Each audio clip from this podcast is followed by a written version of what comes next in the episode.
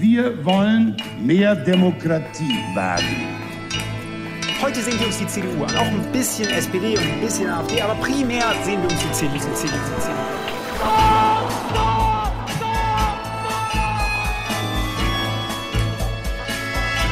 Niemand hat die Absicht, eine Mauer zu errichten. Ich weiß, ich habe heute Morgen in den Spiegel geguckt und dachte, wer ist denn die Hotte Bitch? Werden schon in wenigen Jahren blühende Landschaften, blühende Landschaften geworden sein. Früher waren wir Lametta. Wir haben so vieles geschafft, wir schaffen das. Hallo og velkommen til Tyskerne episode 130 med Ingrid Brekke. og Kai Schwind. Dette er årets siste før vi tar en velfortjent juleferie, og vi hadde egentlig tenkt å ha litt sånn koseprat før jul, men så ble det kuppforsøk i Tyskland, herregud, og det må vi da selvfølgelig se litt nærmere på. Men litt kos skal det også bli. Vi utbalanserer gale Reisburger med Sissi. Keiseren Elisabeth fra Østerrike-Ungarn, som hun egentlig het. En ikonisk historisk skikkelse, også i den tyske populærkulturen. Hun skal vi også se på. Men først, Ingrid. Kuppforsøk i Tyskland. Hva i Guds navn har skjedd? Ja, jeg tenker at man kanskje ikke helt kan kalle det kuppforsøk, eh, for de kom jo aldri så langt. ja, sant. Så det folk har arrestert for, det er såkalt eh, terrorsammensvergelse. Altså at man tilhører en gruppe som har planlagt eh, terror. Men det som skjedde, det var altså at tirsdag 6. desember så eh, aksjonerte 3000 politifolk i 11 delstater. De gjennomførte razzia i flere private hjem og arresterte totalt 25 personer. Eh, dette er den største sånne aksjonen som Eller i hvert fall én av de aller største aksjonene som politiet har eh, hatt i Tyskland. Eh, og de som ble arrestert, flere av de tilhørte det såkalte Reichsbürger-miljøet. Og i etterkant har det vist seg at det er nok kanskje mer sånn 100 mennesker i det nettverket. Og noe av det de fant under razziaen, var jo at eh, folk har skrevet under på sånne taus, taushetserklæringer om at hvis de blir arrestert, så skal de ikke fortelle noe. Og de har funnet nærmere 130 av dem. Eh, og denne gjengen da skal ha planlagt et eh, kupp. Eh, de hadde planer for hvordan den nye regjeringa skulle bli. Men det mest skremmende er kanskje at de også hadde en såkalt eh, arm. Altså de hadde en underorganisasjon som hadde våpen, eh, stort sett eh, skaffa eh, via bondesved. Ja. Det andre som har, eh, som har vakt mest oppsikt, det er jo at eh, det er mange profilerte personer eh, som har deltatt. Eh, det er lærere, leger og dommere, men særlig tre eh, har vært framme. Og det ene er jo da dommer og, og tidligere representant i forbundsdagen for AFD, Birgit Malsak Winkemann. Fint dobbeltnavn. Eh, ja. og hun satt i, i forbundsdagen fra 2017 til 2021. Eh, og nå har hun da hun ventet tilbake til rettsvesenet etterpå. Men det som er så skummelt med henne, det er jo det at hvis du en gang har sittet i forbundsdagen, så har du tilgang livet ut. Ah, ja, Så hun kunne jo være eh, selve nøkkelen Ja. til at de skulle komme seg inn dit da, og gjøre hva nå enn de eh, hadde tenkt å gjøre. Altså bokstavelig åpne dørene Ja. til mobben. Ja, herregud. Mm. Um, og så uh, er det også uh, en tidligere Nato-general, oberst Maximilian Ede, som har vært, eh, fått masse oppmerksomhet. Og han, var, han leda bl.a. en bataljon under innsatsen i Kosovo. Men nå er han jo pensjonist, men han har engasjert seg mer og mer i denne kverdenker-scenen og Reichsbyggermiljøet. Og har faktisk eh, har Bundeswehr kjørt en disiplinærsak mot ham pga. dette, men det førte ikke frem. da. Og så til slutt så er det den som vakte aller mest, fikk aller mest omtale, eh, ikke minst her i, i Norge, nemlig prins Heinrich, Ja. den 13., som han kaller seg, som da skulle blitt statsoverhode i det nye riket. Og denne 71 år gamle prinsen som bor i faktisk Frankfurt-kai, Ja, han er da hovedmistenkt. Han er eiendomsmegler og eier også et uh, såkalt jaktslott da, i Bad Lobenstein i Øst-Tyringen, som da også ble ransaka. Og Det er også viktig å understreke at hele hans familie har tatt kraftig avstand fra dette. Mm, Det blir litt rar jul i huset Ja. prins Heinrich i år. Ja, altså Det er litt av en gjeng, da. Uh, både den litt vante, litt rare blandingen av folk, men også, som du sa, disse profilerte folka, som gjør det kanskje litt mer skummelt. Og så er det jo alltid det spørsmålet hva er det de egentlig vil, disse Reichsbürger? ikke sant? Hva er dette? Og en av disse hovednarrativene er jo at de sier det fins ikke et ekte Tyskland som vi vil ha det. Det må reinstalleres. Det sanne Tyskland, det er f.eks. gamle keiserriket fra 1914, litt avhengig av hvem man spør, eller med grensene fra 1871. Eh, og det er mye som sauses sammen her. Eh, vi fant et litt sånn eh, litt interessant klipp som journalistene i Deutschlandfunk eh, har publisert. De var på noe av disse såkalte mandagsdemonstrasjonene i østtyske eh, byen Meiningen. Og da var det bl.a. en dame som heter Petra, som holdt en liten tale på det torget da, og forteller litt om ja, hvilket Tyskland hun drømmer om. Så kan vi høre litt på det. Det tar sånn minutt, og så skal vi fortelle hva hun drømmer om. Unser Deutschland strahlt nach außen als ein Licht des Friedens.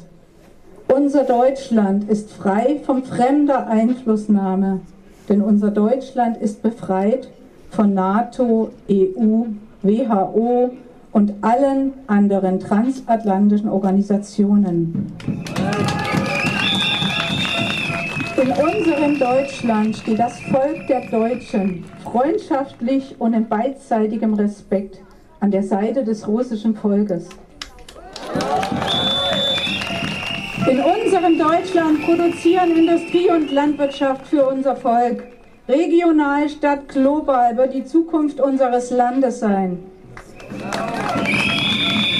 In unserem Deutschland bezahlen die Menschen mit einer stabilen Währung, welche unabhängig vom globalen Finanzsystem ist. Unser Zahlungsmittel ist eine deutsche Mark. Ja, for alle som snakker tysk, var dette litt vanskelig nå. Beklager det. Det er mye her. Altså, hva er det drømmetyskland til Petra? Eh, hvordan ser det ut? Altså, Man vil ut av euro, selvfølgelig. ikke sant? Eh, Tilbake til Deutsche Mark, der fikk hun applaus. For man vil ikke lenger være i EU, ikke i Nato. Man er også uh, vil ut av WHO, altså vil ikke ha noe med dem å gjøre, alle disse transatlantiske organisasjonene, som hun kaller det. Og til og med regionalt landbruk var veldig viktig for Petra og, og alle de der. Eh, Så det fins jo flere av sånne konspirasjonsteorier og rare krav. For eksempel, for eksempel også, altså det er selvfølgelig finansjødedommen som kontrollerer verden. Eh, En annen ting som jeg syns er så pussig, at det er en del reisbyrere som sier at det fins ingen fredsavtale mellom Tyskland, USA og Russland etter andre verdenskrig. Det er det de krever. Så det kan bli sånne protestaksjoner foran ambassader hvor de vil ha det offisielle dokumentet, selv om det er helt tull. Eh, det de gjør, er at de savner en sånn en suveren ledelse ikke sant, i dag, som også fører til at de er ganske solidarisk mot eh, Putin. Det er mange Putin-fans, fordi de mener han er en sånn leder som vi burde ha, og det er mye sånn solidaritet med det russiske folket og sånt, ikke sant, som ble nevnt. Um, og så er det det at man også mener at etterkrigstyskland er egentlig ikke en stat, men det er med et sånn stort internasjonalisert selskap. Ikke sant? Sånn Corporation Germany, GmbH Deutschland, uh, styrt av internasjonale selskaper. Eh, og så jobber alle mot denne litt sånn obskure tak X, altså dagen X, hvor man da skal ta over landet. Litt med ulike strategier, men en eh, dag skal det skje. Det er vel noe man kjenner litt igjen fra den QAnon-bevegelsen. Mm. Eh, ellers så kan jeg jo fortelle at jeg eh, hørte på et eh, intervju eh, på Zoom med en som heter Andreas Speit, som er eh, journalist fra Hamburg, og som har skrevet bøker og spesialisert seg på Reisbygget. Og han sa jo det at eh, for to år siden ville han aldri trodd at de eh, var i stand til å organisere seg sånn som de har gjort nå. Og at folk har blitt eh, veldig radikalisert eh, i løpet av de siste par årene. Og har havna der de tror de må forsvare seg mot eh, staten. da. Eh, og at dette strekker seg inn i, inn i det han kaller det borgerlige eh, sentrum. Ja. Og jeg skrev jo, jeg husker at jeg skrev en sak om uh, disse Reisbygger da, da en politimann ble drept i Bayern i 2016. De ransaka hjemmet hans for våpen, og så skjedde dette drapet. Men det jeg ble ganske rysta over da, det var at um, de holder på med De har en sånn spesiell aksjonsform hvor de enten hvis de er stilt for retten, eller de går på sosialkontoret eller noe, og så kverulerer de, eller sier stygge ting, eller holder på eh, mot dommeren eller mot personen bak skranken. Og målet er da at de skal bli så sinte at de sprekker eller begynne å grine, eller noe, og så filmer de det hele og legger det ut på YouTube. Mm. Og det er også folk som har sagt opp jobben sin pga. denne trakasseringa. Så det er liksom mot staten i både det store og det ja. lille, kan man eh, kanskje si. Ja, det er en sånn ekkel form for sånn sosial terror. Det er ja, veldig ekkelt. Men ja, det er helt, helt, riktig som du sier, og det er det som, som altså vekker litt oppsikt, at det er en voldelig radikalisering som skjer, ikke sant? Og det har jo vært flere sånne aksjoner som har fått omtale. Den du nevnte, drapet på politimannen. Så var det det man kaller for Sturm auf Berlin, jeg tror det var i fjor, hvor en sånn uh, antivaksine-koronatiltak-demonstrasjon eskalerte, og folk skulle storme Riksdagen, ikke sant, som de heldigvis ikke fikk til, i motsetning til USA. Eller uh, helseministeren Karl Lauterbach skulle kidnappes. Uh, var en annen aksjon som ble avslørt. Ja, det var tidligere i høst. Ikke sant? Ja, ja det var før, ja, ja, ikke så lenge siden. Så det er mye i den retningen uh, som, som, sier ok, her er det kanskje er det ikke organisert som en, at alle uh, aksjoner henger sammen, men man har funnet ut at det er en del aktører her som har vært med i flere av de uh, planlagte aksjoner, og som står bak som litt sånn intellektuelle strateger, som kanskje prøver å få til at denne dag X-en kommer sooner than later. Ja, og så er det jo noe med at det er jo ingen som tror at uh, denne gjengen hadde klart et ekte statskupp. Mm. Men det de kunne klart, er jo å gjøre noe uh, sånn at folk blir drept. Ja. Og det er jo uh, virkelig ille nok, så hvem vet hva som ville skjedd hvis de ikke hadde blitt tatt på forhånd. Da. Og jeg tenker at det er jo også ganske eh, altså tyske sikkerhetstjenesten er ganske god til å avsløre ting og ta folk under planlegging og før ja. de har gjort noe. Mm. Det, mm. det, det, er sant.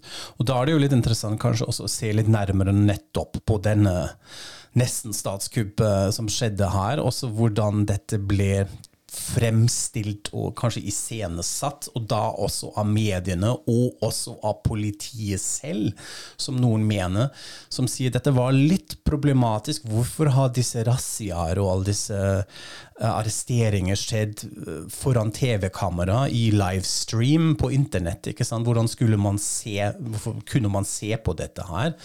Er ikke det litt sånn amerikansk tilnærming til det? Uh, og var da med denne, jeg vet ikke hvordan man sier det på norsk, denne unnskyldsformotungen, altså en sånn juridisk begrep at du skal være uskyldig. altså Så lenge du er uskyldig og ikke dømt, så skal du ikke på en måte ja. Eh, anklages. Ja. Eh, så her er det også viss medieansvar rundt det. Og da leste jeg noe interessant fra statsviter og um, demokratiforsker som han kaller seg Wolfgang Merkel, som mener ja, stemmer, men dette var også en symbolsk handling av myndighetene med et sånn todelt budskap. Det ene var vi skulle signalisere inn i Reichsbürgermiljøet. Dere, vi vi er obs på dere, vi ser dere. Så hvis dette fortsetter, så stiller vi opp med 3000 pluss politifolk og koordinert på tvers av hele landet osv. Vi har kontroll på det. Men også til befolkningen selv. Myndighetene, politiet har jo fått veldig mye kritikk i det siste. Det har vi også snakket om hvordan de håndterte NSU-saken f.eks. At man ikke har fulgt med, at man ikke har klart å se sammenhengen og sånne ting. Og at en sånn aksjon her da skulle vise jo vi vi vet, vi, vi, følger med, så derfor ble det litt iscenesatt òg, selv om man hadde ikke kanskje trengt å møte opp med 3000 politifolk. Nei, men dette var jo også altså, Fordi det ble gjort som en sånn mediehappening, så fikk også AFD veldig vann på mølla. Da, fordi mm. kalt, har jo nettopp kalt det det. Dette er liksom kino og iscenesettelse og en aksjon som er helt unødvendig, men det er liksom for å stille regjeringa i et godt lys, eller som de også sa, at det, er, det var et sånt eh, Det har nettopp vært et eh, drap på en 14-åring, mm. begått antagelig av en eh, eritreisk flyktning. Og AFD sier da denne aksjonen ble gjort for å få den saken ja.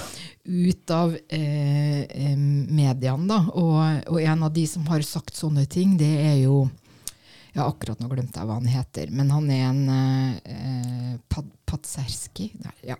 ja. Uansett. Altså. Han er en veldig profilert AFD-er i Berlin, og han mm. har alltid tilhørt den moderate fløyen, så jeg tenkte liksom når jeg så da at dette er beviset på at det fins ikke lenger noe uh, moderat eh, fløy i AFD. da. Mm, ikke sant, og også at det var hun tidlige eh, partimedlem eller som satt i forbundsdagen, blandet inn. Da prøver de jo selvfølgelig å distrahere fra det. ikke ja. sant? Det skal man feie litt under teppet. ja.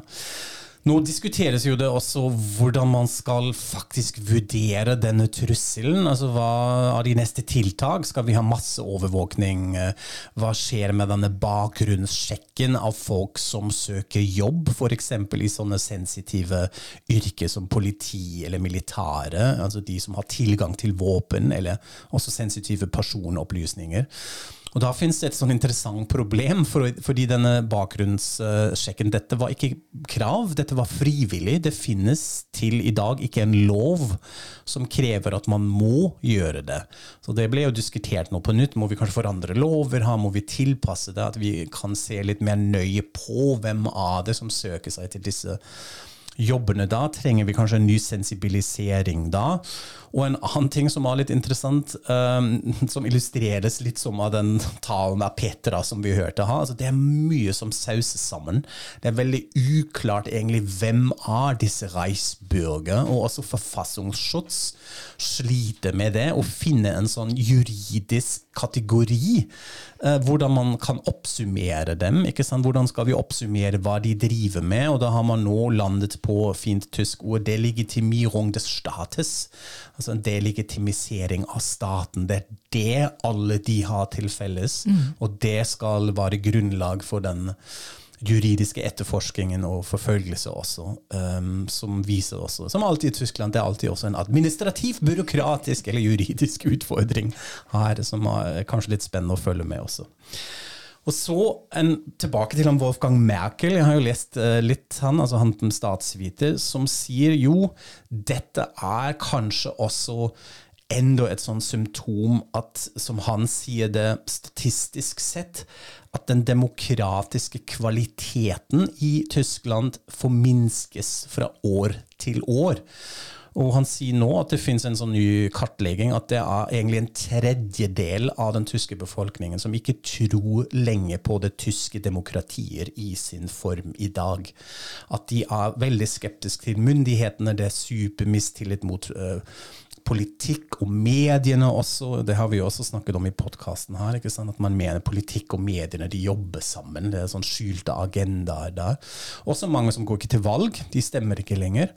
Og dette er selvfølgelig da relatert til fattigdom, sånn ressurssvakhet osv. Uh, eh, og at også kanskje den liberale venstresiden har et slags ansvar for dette fordi vi, eller de, havarerer diskursen ganske ofte. At man altså tvinger folk til å snakke om noe annet. Vi snakker om gender og trans, og uh, snakker også om alle disse ting på en måte at nettopp den tredjedelen av befolkningen ikke henger med lenger. De skjønner ikke hva det er, og de føler seg litt sånn bortsortert uh, fordi man hører ikke på dem lenger. Og det er jo kanskje et poeng med det. Ja, det er kanskje et poeng, men jeg tenker også litt at eh, det ligger en slags eh, arroganse i det òg. At, eh, at all, all intelligensiaen er til venstre. Og, og, det betyr på en måte at de som er på høyre, er utdanna og ikke klarer å følge med, og kanskje arbeidsledige og sånn. Og det stemmer jo virkelig ikke, da. Altså, det er jo mange også intellektuelle og høyt utdanna eh, på høyresida. Jeg husker eh, en sånn uh, oversikt over uh, hvem som har doktorgrader i Bondestag, så er det jo AFD som hadde flest. Det var vel i forrige periode. Ja.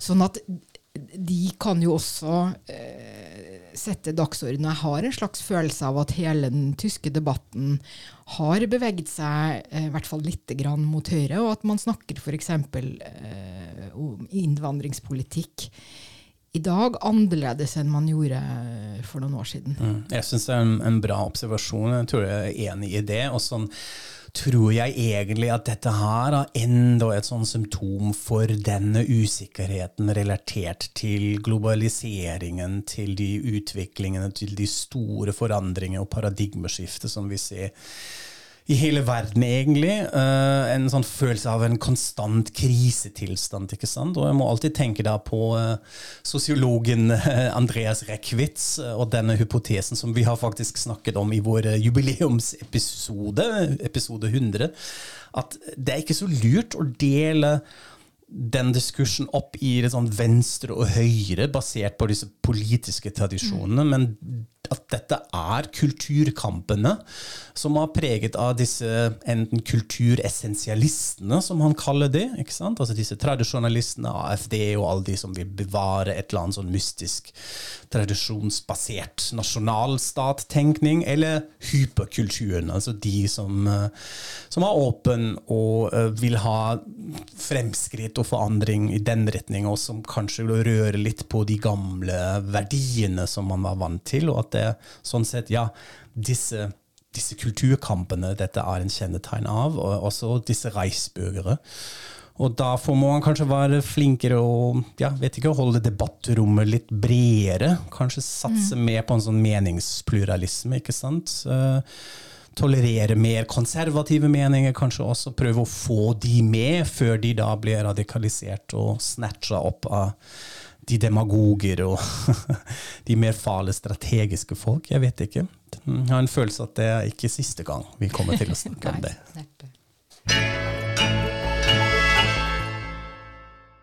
Nå kommer vi endelig til kosen, og fra gal prins til vakker keiserinne. Vi skal snakke om fenomenet Sissi. Men først, hva slags historisk skikkelse var hun egentlig, Ingrid? Jo, eh, Sissi er jo da eh, kjælenavnet for eh, Elisabeth. Eh, og hun var fra Bayern og født eh, Nå skal jeg prøve meg på et sånt langt eh, tysk navn her. Elisabeth Amalie Eugenie von Wittelsbach. Herzogin in Bayern. Mm -hmm. ja. Veldig bra. Hertuginne. Og hun var da født i 1837. Eh, og ble keiserinne av Østerrike og dronning av Ungarn og Bøhmen eh, da hun gifta seg med keiser Frans Josef i 1854. Og i sin samtid så ble hun da omtalt og beundra som en av Europas vakreste kvinner. Og det var voldsom interesse for henne allerede mens hun levde. Og så ble den jo ikke mindre av at hun ble myrda av en italiensk anarkist i Genéve i 1898.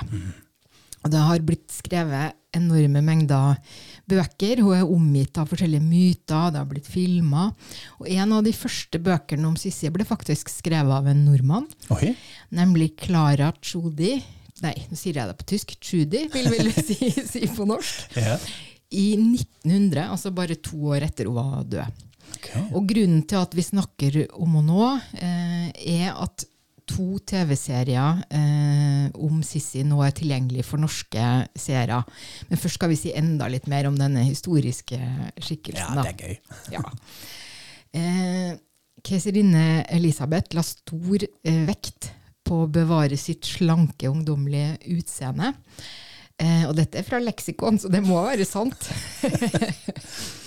eh, hun hadde en streng diett, trente mye, og eh, hun var en slags definisjon av datidens motideal med sånn veldig tynn eh, midje innsnørt. Um, og hun veide aldri mer enn 50 kilo, til tross for at hun var 172 cm høy. Så vi kan jo forestille oss hvor eh, sunt kanskje dette var, da. Eh, dessuten så hadde hun eh, hår som var like langt som kroppen. Eh, og eh, en gang hver tredje uke brukte hun en hel dag på hårvask og hårpleie. da. Ok.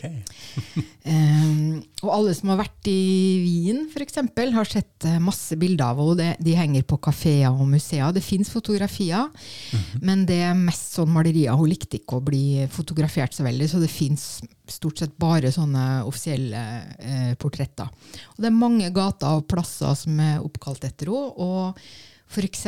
i Budapest så er det en av broene over Donau som heter eh, Elisabeth-broa. Mhm. Altså hun er, man ser henne hun er en sånn dominerende skikkelse fortsatt i dag, vil jeg si. Og nå er det altså disse to TV-seriene som kommer helt fersk. Den første er en eh, som egentlig går i sin andre sesong i Tyskland nå, eh, i, i, i jula, eh, fra, produsert fra RTL.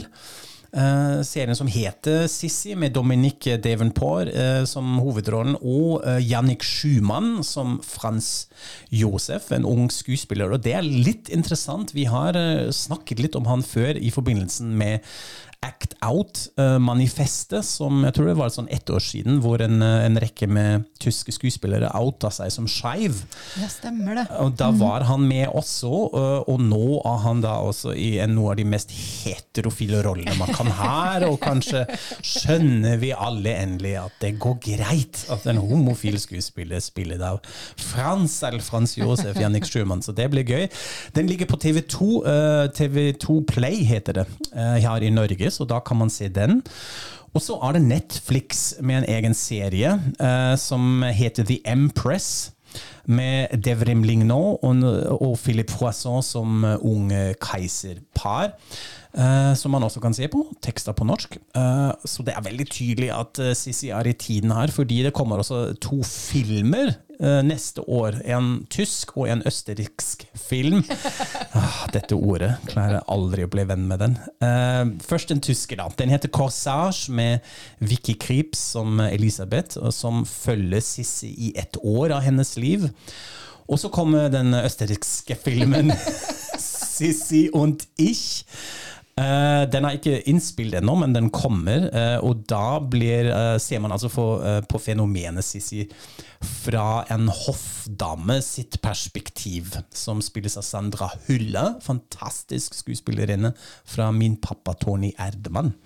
Så det er gøy å se. Her får vi kanskje en litt sånn annen type fremstilling. Det gleder jeg meg til. Men du Ingrid, du har sett på begge disse seriene som ligger ut nå. Hva tenker du? Hva syns du? Altså, jeg kan jo eh, Jeg har sett fire episoder av Netflix-serien og to av den eh, på TV2 Play. Ja.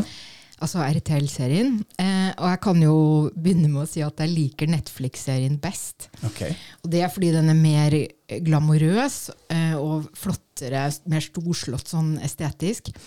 Og at de bruker et sånt triks, film Nei, det er ikke- triks, men de filmer på en måte som jeg er veldig svak for, nemlig at det er symmetrisk. Altså Du ser veldig mange bilder hvor folk er i sentrum. Og så er det en sånn interiørbakgrunn eller noe som er helt symmetrisk. Ah, ja. Og dette var noe de brukte veldig mye i House of Cards, den serien. Ja, og jeg Kevin syns det er Ja. veldig flott, da.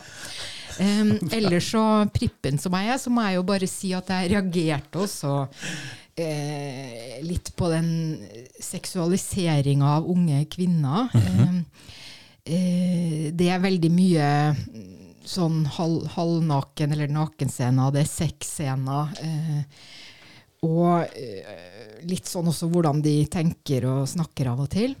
på, den ene, på en måte så skjønner jeg det veldig godt, fordi at dette er jo noe med eh, Man har liksom hatt fokus på de mannlige, kanskje, altså konger og de som på en måte gjorde noe, i anførselstegn.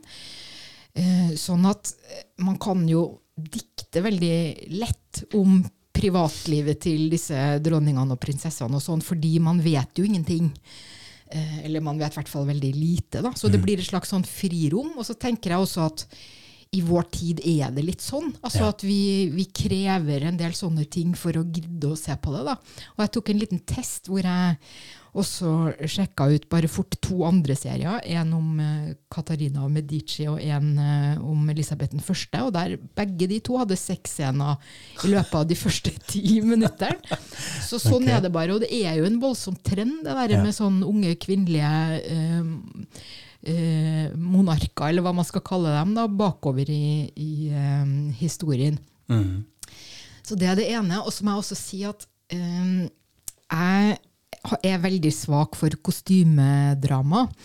Men jeg sliter med sånne historiske eh, skikkelser fordi at jeg blir så opphengt i er dette sant, eller er det ikke sant, og sånn, historisk. Og det er helt meningsløst, egentlig, fordi at man må klare å se dette som bare eh, show og underholdning.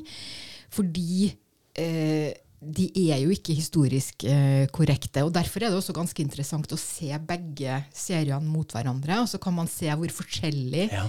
de fremstiller de, de ulike eh, folka. Da.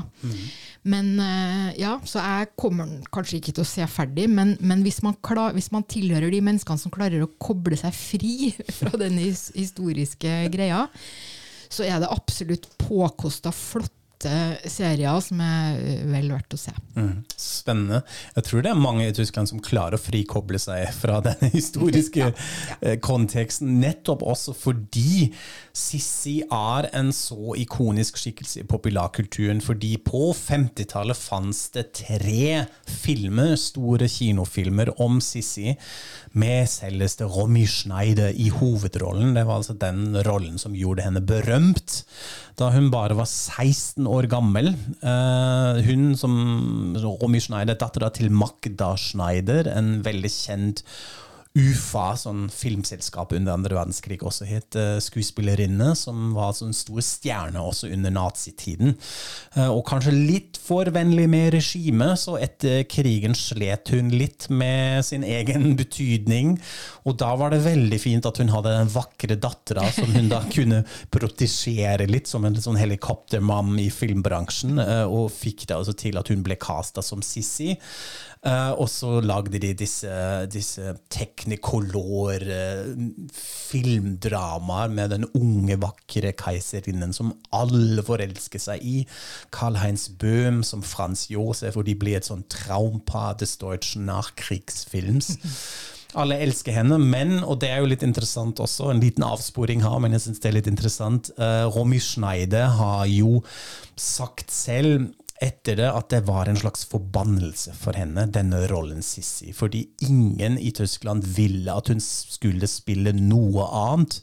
Og hun uh, slet veldig med da, å finne ut hva slags rolle hun kunne spille. da, ikke sant? Ja, Og flytta vel til og med til Frankrike? Riktig, hun måtte gjøre det, og hadde startet på en måte en annen karriere, en ny karriere i Frankrike, hvor hun da kunne spille litt mer krevende rolle, også litt vanskeligere rolle. Og så hadde hun selv, og da, er derfor også man er kanskje fortsatt sånn opptatt av, av det, veldig dramatisk liv. Sønnen til Romy Schneider døde da han var 14 i et sånn ulykke, et sånn forferdelig ulykker. Hun var jo sammen med Alain Delon og andre litt sånn tabloid eh, omtalte eh, ekteskap og skilsmisser osv. Så, videre, og så, videre. så det var mye drama.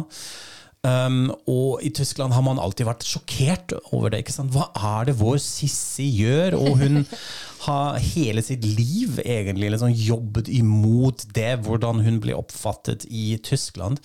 Og litt interessant, nå Nylig ble det offentliggjort et intervju mellom Romy Schneider og Alice Schwarze, Tysklands eh, mest kjente feminist, som vi også har uh, lagd en egen episode om her, som nå nylig ble 80 år. Eh, og hun intervjuer Romy Schneider i 1976 eh, i et hotell eh, i Köln. eh, hvor da Romy Schneider snakker om alt det, hvor, eh, hvor vanskelig hun syns det har vært hennes anstrengte forhold til Tyskland, og at hun aldri, aldri klarer å komme bort fra denne sissy-forbannelsen. Veldig interessant. Også de snakker hovedsakelig på fransk. Eh, fordi ja, Omi Schneider hadde da også et anstrengt forhold til tysk som språk. Og Alice eh, Schwarz er selvfølgelig flytende på fransk også. Jeg hang med Simone de Beauvoir og Sartre og sånn. Da funker det.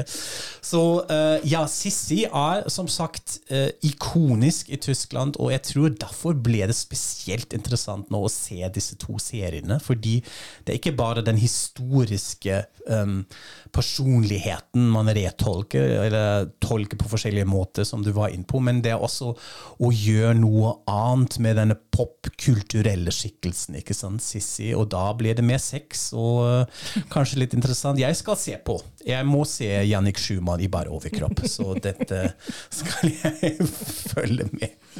Men da kan vi kanskje avslutte med litt musikk fra introen på Netflix-serien, som jeg syns også er helt nydelig.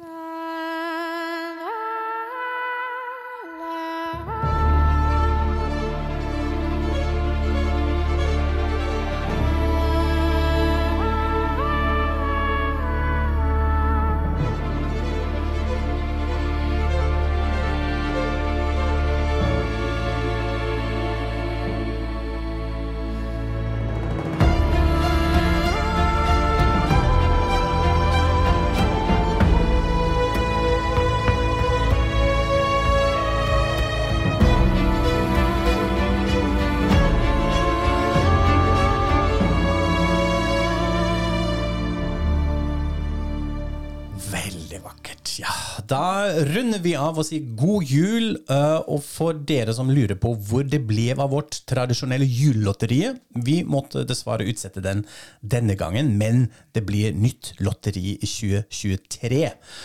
Og så må jeg jo si her, har dere ikke ordnet julegave, så vil jeg, så krever jeg av dere at dere kjøper Ingrids bok. De knuste hjertes land som finnes i bokhandelen. Det syns jeg man kan gjøre, ikke sant? Ja, jeg er helt med deg der, altså. Kjøp, kjøp. Veldig bra. Yes, da sier vi det. Vi sier fra Weihnachten und guten Rutsch. Vi ses i 23. Auf Wiederhören. God jul. Auf Wiedersehen.